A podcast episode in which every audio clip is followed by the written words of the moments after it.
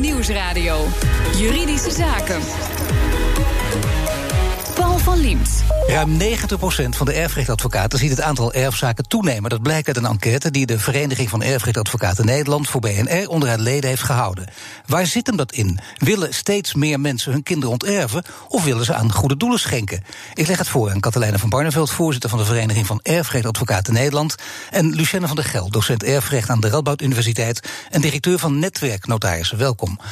Ik begin met uh, Katelijne van Barneveld. Uh, uh, als er al iets echt duidelijk uitspringt, laten we zeggen echt duidelijk, hè, dan in die enquête, dan is het het aantal zaken over de zogenaamde legitieme portie. Dat zijn er nogal wat. Maar eerst even, wat is dat, die legitieme portie?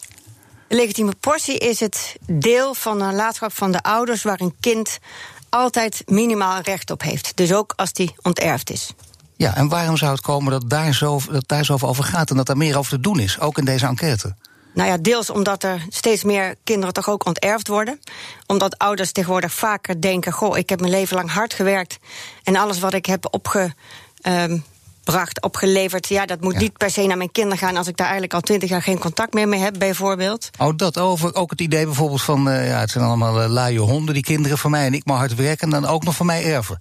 Nou, de kinderen vinden het vaak wel te vanzelfsprekend. En ouders vinden het minder vanzelfsprekend dat ze dan ook erven. Misschien geven ze liever aan goede doelen, inderdaad. Of aan kinderen die wel altijd thuis kwamen. Maar dat komt dus veel meer voor, dat mag je zeggen, veel meer voor dan in het verleden. Het komt in ieder geval zodanig veel meer voor dat 75% van onze leden heeft. Daar zie ik een enorme toename in het soort zaken die wij binnenkrijgen. Lucienne van der Geld, dat lijkt me nogal een kwestie. Ook een kwestie misschien wel voor de politiek of niet? Of durven die de handen er niet aan te branden? Nou, die legitieme portie is best wel een heet hangijzer. Hè. Het ja. erfrecht is in 2003 helemaal vernieuwd.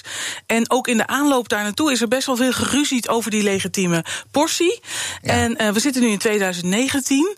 En wij hebben op de Radboud Universiteit en bij Netwerknotaris gedacht... misschien moeten we die discussie weer eens aanzwengelen. Dus wij zijn in de pen gekropen. We zijn nu aan het werken aan een rapport... wat we binnenkort aan de politiek aanbieden. om toch weer eens naar die legitieme portie te kijken. Ja, is je dat wel nog... over de verkiezingen heen tillen? Vinden politici wel fijn, vind ik. Hè? Nou, ik weet niet of dat voor, voor uh, de verkiezingen zo'n. Uh, voor nou, deze verkiezingen. Voor alle, voor alle, verkiezingen lijkt het mij. Ja, want wordt... ga je, dit is echt serieus. Dit is wel een belangrijk onderwerp. Iedereen denk heeft ermee te maken. Iedereen met kinderen heeft ermee te maken. Maar iedereen is ook een kind van iemand. Daarom. Dus daarom leeft het ook bij iedereen. Iedereen die erover spreekt, heeft er een mening over. Wat zou de gewenste richting zijn? Nou, de gewenste richting is denk ik dat we gaan kijken van. Uh, wat willen de mensen? En, uh, maar dat we ook kijken hoe is het in de wet in te passen. Want nu zien we in de wet meerdere voorzieningen voor kinderen. En de vraag is: um, is dat allemaal wel op zijn plek? Maar het gaat eigenlijk om het idee: het is ooit ingesteld. Dan moet ja. je heel goed weten wat de context is, waarom het ook is ingesteld. Waarom ja. zou het in deze tijd nog steeds moeten Klopt. gelden? Daar goede argumenten bij verzinnen. Ja. En dan zou het gewend zijn om te zeggen: nou laten we in ieder geval die wet eens gaan veranderen. Dus laten we daar eens heel serieus naar kijken. Absoluut. Nee, de ja. verzorgingsgedachte inderdaad, die leeft nu wat minder. Het krijgt steeds minder draagvlak, hè, die, die legitieme. Ja, je denkt gewoon, ze kunnen wel voor elkaar zorgen. Ze belanden niet, uh, ook al als ze niks krijgen, dan belanden ze niet in de ja. goot. Ze kunnen zichzelf wel redden. Ja, en dat er zijn inderdaad andere uh, wetsbepalingen die al, die al ervoor zorgen dat kinderen in ieder geval iets krijgen als ze alleen achterblijven. Ja. Het is eigenlijk een potpourri van redenen geweest om die legitieme in te voeren uh, in de wet. En een potpourri de, van een potpourri. redenen. We hebben ze allemaal. heel veel. Ja, even serieus, we hebben ze allemaal ja, nee, ontleed. Ja, van, vanuit, uh, vanuit het verleden. En dan zie je dat het alle kanten opschiet waarom je zo'n legitieme portie zou moeten hebben. En daarom moeten we daar eens weer eens even heel goed naar kijken. Nee, het gaat er ook om te weten, want juist omdat je die legitieme portie hebt, weet je wat er gebeurt, ook als je niets regelt. Want mm -hmm. wat gebeurt er dan, Katelijne? Als je niks, niks regelt, regelt, dan heb je daar recht op. Maar dan moet je er wel een beroep op doen. Als je niks regelt en je hebt geen testament, dan hebben je kinderen wel recht op een legitieme, maar die is dan niet opeisbaar als je getrouwd bent bijvoorbeeld. Maar ja, stel dat je bijvoorbeeld uh, kind bent, uh, je bent al 15 jaar in, leef je in onmin met je ouders, je hebt zelfs helemaal geen contact meer. Dat ja. uh, komt ook vaak voor, geloof ik. En dan betekent het dus dat je misschien niet eens weet dat je ouders overleden zijn. Ja, dan, je moet, het, dan moet, dan je, moet je binnen een bepaalde periode, geloof ik, moet je hopen dat je binnen vijf jaar erachter komt. Binnen vijf jaar. En dan moet je daar beroep op doen. En nou ja, ik heb een keer eerder in, in, de, in de aflevering een casus verteld over die mevrouw die niet Welke wilde. aflevering, dat weten we niet. Nog een keer vertellen. Wat was podcast van Dooddoeners. Ja, de podcast Dooddoeners nog steeds op BNR te beluisteren. Zeker. Zeker. Over erfrechtkwesties. Nou, die, die, die kwestie van die, die, die zus die niet wilde dat haar broer erachter kwam dat, dat de moeder dood was. En dat hij vijf jaar lang heeft ze toen de gordijnen open en dicht gedaan. Om, uh, nou ja, in ieder geval dus. Ja, zo ver gaan mensen dus inderdaad echt. Hè? Gewoon net ja. te doen alsof ze gewoon nog in leven is. Stel dat die broer er ook nog langs zou rijden. Ja, Lucienne van der Geld. Zo zijn het gaat uitzonderingen of zijn mensen echt zo op de centjes? Nou, erfenissen in het algemeen uh, brengen heel veel emoties bij mensen los. En dat zijn heel veel verschillende emoties. En uh, het, gaat, het lijkt uiteindelijk allemaal over geld te gaan. Maar het gaat eigenlijk om heel veel meer dingen. Om rechtvaardigheid. Om zaken die in het verleden natuurlijk zijn gebeurd. Of ouders die graag de regie in handen hebben. Die ja. houden ook na de dood ook nog steeds de regie in handen. Zeker, die, die hebben er ook bij. Dus, Wat doen ze dan? Maar hoe kun je dat doen dan? Uh, als je na de dood de regie. Je hebt mensen die maken een heel gedetailleerd testament. En die bepalen zelfs nog. Uh, als hun kind overlijdt. en die zou nog wat over hebben van de erfenis van de ouders. wie dan de tweede partij is, de tweede groep erfgenamen. die die erfenis krijgen. Dus dan is ja. dat kind eigenlijk niet vrij. om het na te laten aan zijn eigen erfgenamen. Ja, moet je kijken, zeg. Nee, dat is inderdaad. Uh, met een hele hoop emotie gaat het gepaard. Ja. Maar dus ook uiteindelijk om geld. Dus geld toch uiteindelijk wat het belangrijkste. Wij als journalisten weten toch ook follow the money. Daar komt het uiteindelijk op neer. Nog belangrijker uiteindelijk dan de emotie. Dat je denkt, wacht eens eventjes. Ja, in het begin, begint met. Die ervaring hebben jullie misschien ook wel. Dat het altijd begint met. Nou, geld kan ons niet schelen. En het gaat om ons hele andere dingen.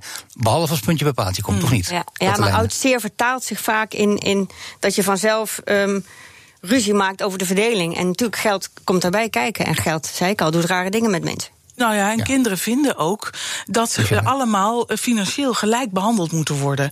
Dat, ja. dat is een heel belangrijk uit. Kijk, aandacht. Maar zeggen de meeste nou, ouders toch ook: jullie zijn mij allemaal even lief en zo? Ja, maar kijk, aandacht is altijd moeilijk te meten. He, heb je allemaal evenveel aandacht van de ouders gehad? Maar geld kun je natuurlijk heel goed meten of je dat allemaal evenveel krijgt. Ja, Soms vinden kinderen ook dat ze meer recht hebben dan andere kinderen. Waarom ja. dan? Waarom dan? Omdat voor... een ander kind al bepaalde schenking had gehad en al bij leven bevoordeeld is. En dat je denkt, nou, nu ben ik toch een keer aan het Ja, maar ook dat is een interessant punt inderdaad. En met die schenkingen, want hoe zit het daar precies mee? Dat lijkt dat ook weer logisch, dat je dat je allemaal kunt verrekenen. Maar dat gebeurt geloof ik niet met die legitieme portie, of wel?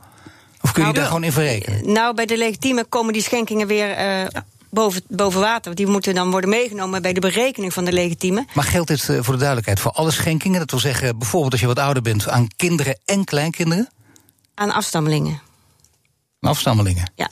Zijn toch kinderen en kleinkinderen Zeker. Of heb je nog ja. een andere? Ja, als je heel lang leeft, of heel jong aan kinderen be begonnen Ja, bent... ja. dan gaat het nog achter kleinkinderen. Ook is terug. Ja, ja, zeker. Nee, je hebt nog, ja, dat komt ook nog wel eens voor. Dus ook. Zeker, nee, ja. zeker. Ja. Ja. Maar eh, sommige mensen denken ook, weet je wat ik doe? Ik ga alles, eh, ik ben heel slim, ik ga alles gewoon fiscaal zitten berekenen. Echt op de, de komma nauwkeurig en zo, dan kom ik er het slimste uit. Is, is dat de manier om het testament ook op te zetten, of niet? Dat is weer een ander onderwerp. Um, Ja, tuurlijk. Dat klopt, ja, nee, we dat gaan klopt. niet één onderwerp doen. Ah, Alles hangt rond het testament en erfrecht. ja. Katelijne. Ja, je kunt dat denk ik heel fiscaal aanpakken en heel slim wegsluizen. Maar daarmee voorkom je niet. Kijk, als er schenkingen worden gedaan, dan moeten ze nog steeds worden meegenomen bij de berekening van de legitieme. Maar stel nu dat ik een testament heb opgezet, eh, ik noem maar wat, in 2006. En, dan, ja, en ik denk heel slim te zijn, maar ja, het is nu 2019 en er gebeurt van alles. Dan is het toch ook weer van alles veranderd Ja, ik mij? zou zeker een keer terug gaan naar de notaris. Ja, nee, dat snap ik, ja. Dat Bedankt voor dat eigen- advies, Katelijne. Nee, dat Ja, is heel die belangrijk. adviezen krijg je natuurlijk altijd. Ja. Zeker. Dat zeggen notaris ook allemaal Ja, altijd, maar ik denk niet dat dat, nou zon- zeggen? Ik denk dat dat niet zonder reden is eh, dat dat wordt gezegd, meneer Paul. Er is heel belangrijk Meneer Paul. dat er vaak.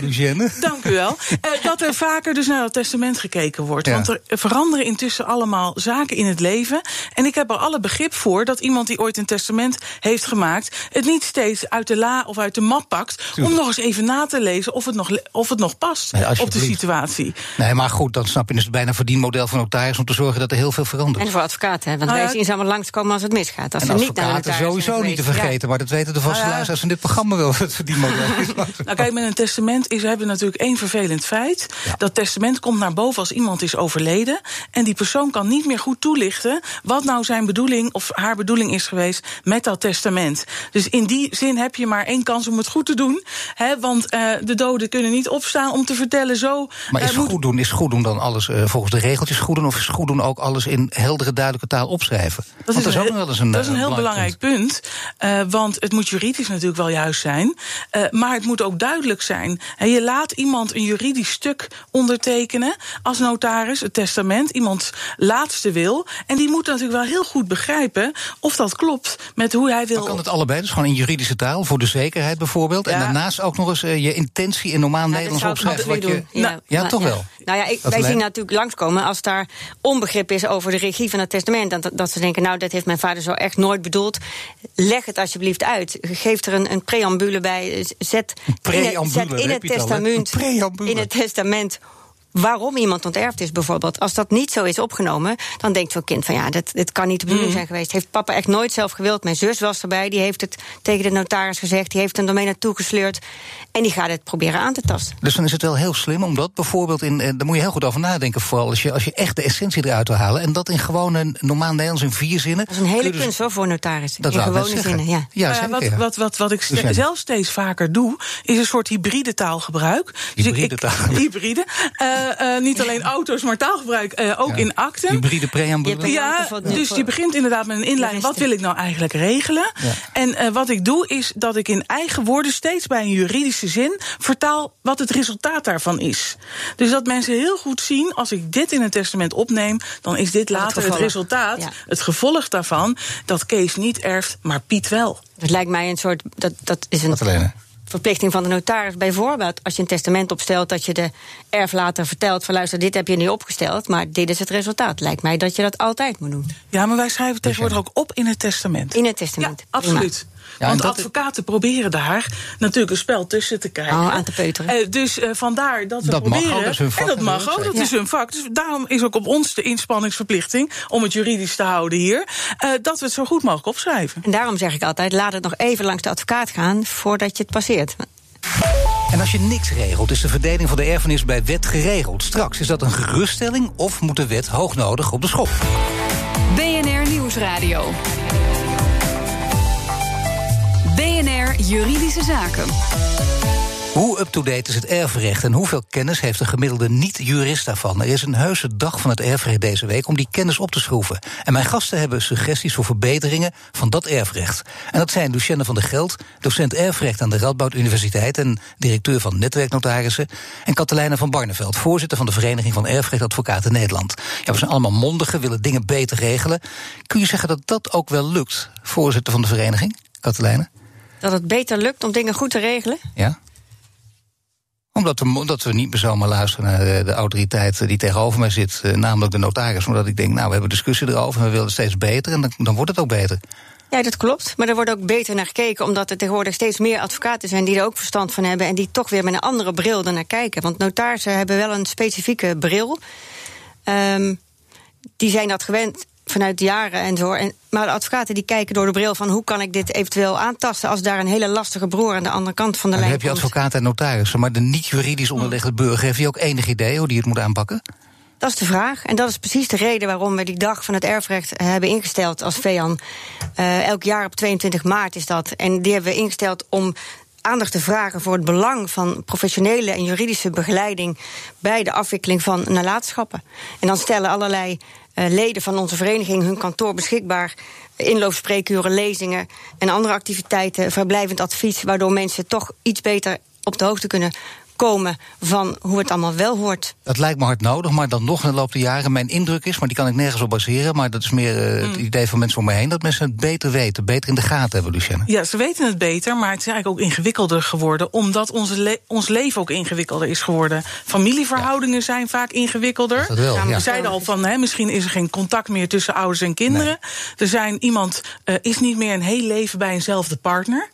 Nee. Dus eh, de echtgenoot van je ouder die is overleden, is misschien helemaal niet je vader of moeder.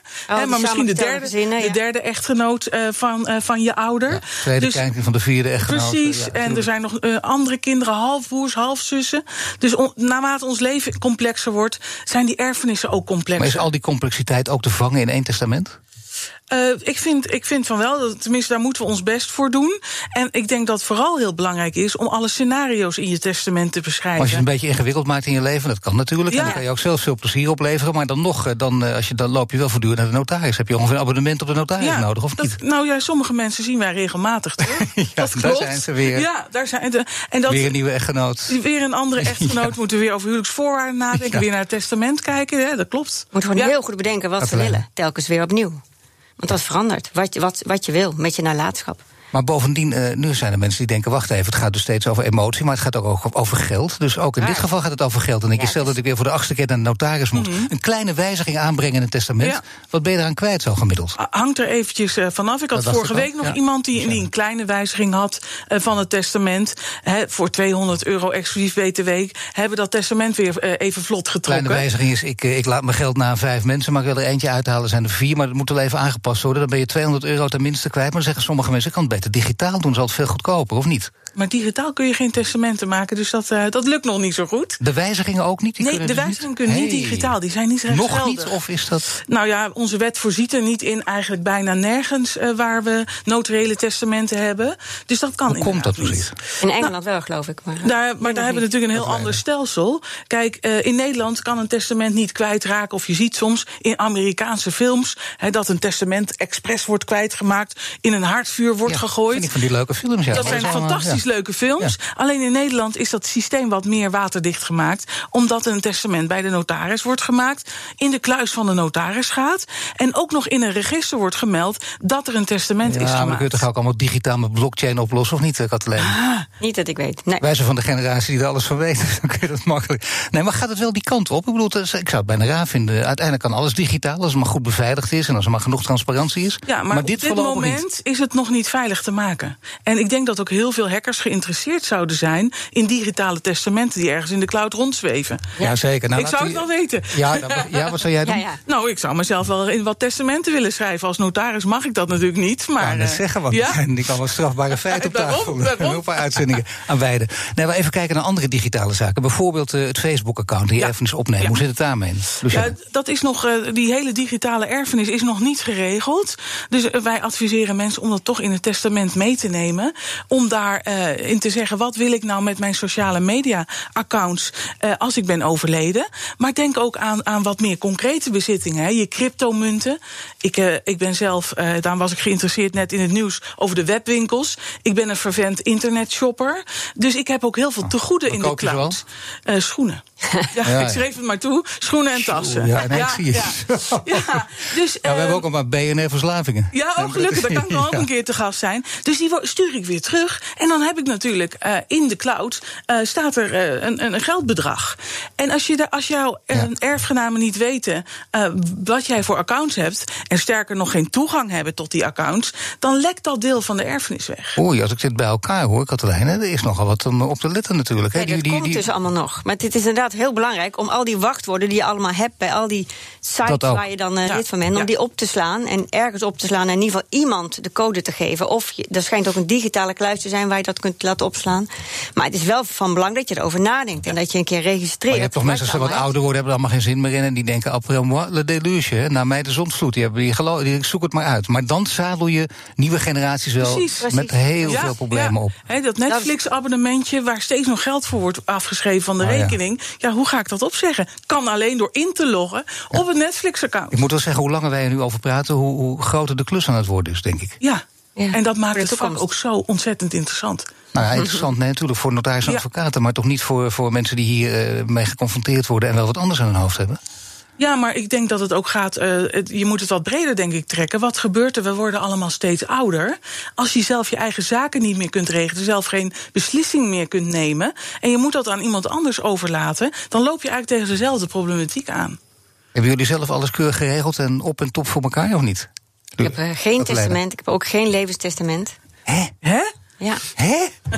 dus je, dat kan toch niet, hè? Ik, ik heb zoiets nog nooit Ik gehoord, heb eh, inderdaad. kinderen, ik ben getrouwd. Oh. Ja, ook dat nog. Ja, maar ik ben wel getrouwd. Dus wat dat betreft gaat het wel zodanig eh, geregeld worden als ik er niet meer ben dat het eh, bij mijn man terechtkomt Ik, en de kinderen ik moeten maak even graag een mooi, ad- mooi Ja, dat testament voor je. wel, Ja, ja. Nou goed, jullie mogen straks in het nagesprek hier nog uitgebreid op doorgaan. Dankjewel, Lucienne van der Gel, directeur van Netwerknotaris... en Katelijne van Barneveld, voorzitter van de Vereniging van Erfrechtadvocaten Nederland.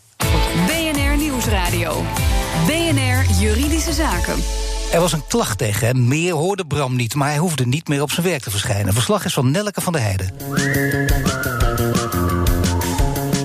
Bram, jij werkte als ZZP'er bij een eh, instelling voor verstandelijk beperkten. En van de ene op de andere dag was het afgelopen. Hoe kon dat? Ik eh, werd, eh, nou, pak een beetje drie kwartier voor aanvang dienst gebeld. Van, ja, je hoeft niet meer te komen. Er is een klacht tegen je ingediend. Gaan we onderzoeken. Tot die tijd ben je niet meer welkom. En wat was dat voor klacht? Het zou gaan over een uh, cliënt die ik uh, buitenproportioneel zou hebben aangepakt. Maar jij hebt geen idee om wie en wanneer het gaat? Nee, dat is mij ook niet verteld. En uh, ik moest het maar afwachten. En je wacht af, maar er is geen vervolg op gekomen? Nee, ondertussen is er wel veelvuldig contact geweest met de manager met de tussenpersoon die mij eigenlijk daar had gestationeerd. Maar niemand kreeg wat te horen. Het was allemaal hangend onderzoek. En dat onderzoek, heb je het idee dat dat ook echt er is geweest? Uh, nee. Want je hebt ook nooit een uitslag gehoord of bent zelf daarover bevraagd? Nee, ik uh, heb nooit uh, gehoord van hoe dat onderzoek dan, wat voor vorm dat zou hebben. En ik ben ook nog nooit uitgenodigd om uh, ja, mijn verhaal te kunnen doen. Nee, dus je hebt eigenlijk geen idee. En van het een op het andere moment was het afgelopen. Terwijl er stond nog wel voor maanden werk uh, voor jou ingeroosterd. Ja, klopt. Dit gebeurde ergens in, in maand zes. En ik was uh, ingeroosterd tot en met eind van het jaar ongeveer. Behoorlijk wat inkomsten die je daar kwijt bent. Wil je daarbij neerleggen of wil je daar nog iets tegen beginnen? Nou, ik, ik had me erbij neergelegd totdat mij te oren kwam dat een collega die daar uh, ook uh, werkte, dat die hetzelfde is overkomen. Exact op dezelfde manier. En uh, ja, toen dacht ik van, nou, dat, dat kan bijna niet, dat dat zo vaak gebeurt. Dus doordat je nu hebt gehoord dat het vaker voorkomt, wil je toch wel eens even weten hoe het precies zit. Wil je dan ook nog dat de instelling erop terugkomt? De, de vraag is eigenlijk, kan dit zomaar en uh, wat voor invloed heeft dat op de diensten waarvoor ik al was ingepland, waarvoor ik dus in mijn agenda tijd heb vrijgemaakt en andere opdrachten heb laten schieten? Van Kranenburg van advocatenkantoor CMS. Kan het nou zomaar dat Bram voor maanden werk kwijt is van het een op het andere moment? Ja, het korte antwoord op de vraag is dat het inderdaad kan. De zorginstelling heeft de vrijheid om roosters te annuleren. Bijvoorbeeld als zij zelf krachten hebben aangenomen. En ze kunnen ook roostertijden veranderen. Weliswaar in overleg met Bram. Maar goed, dat is natuurlijk niet het argument dat hier is gebruikt... om Bram helemaal uit het rooster te halen. Nee, hier is sprake van een klacht waar hij overigens helemaal niets van weet... waar het precies over gaat. Ja, en dat is natuurlijk wel een vreemde zaak. Want Bram heeft ook niet de gelegenheid gehad om zich te verweren. De zorginstelling valt onder de wet kwaliteit klachten en geschillen in de zorg. Moet in ieder geval transparant zijn, ook richting Bram...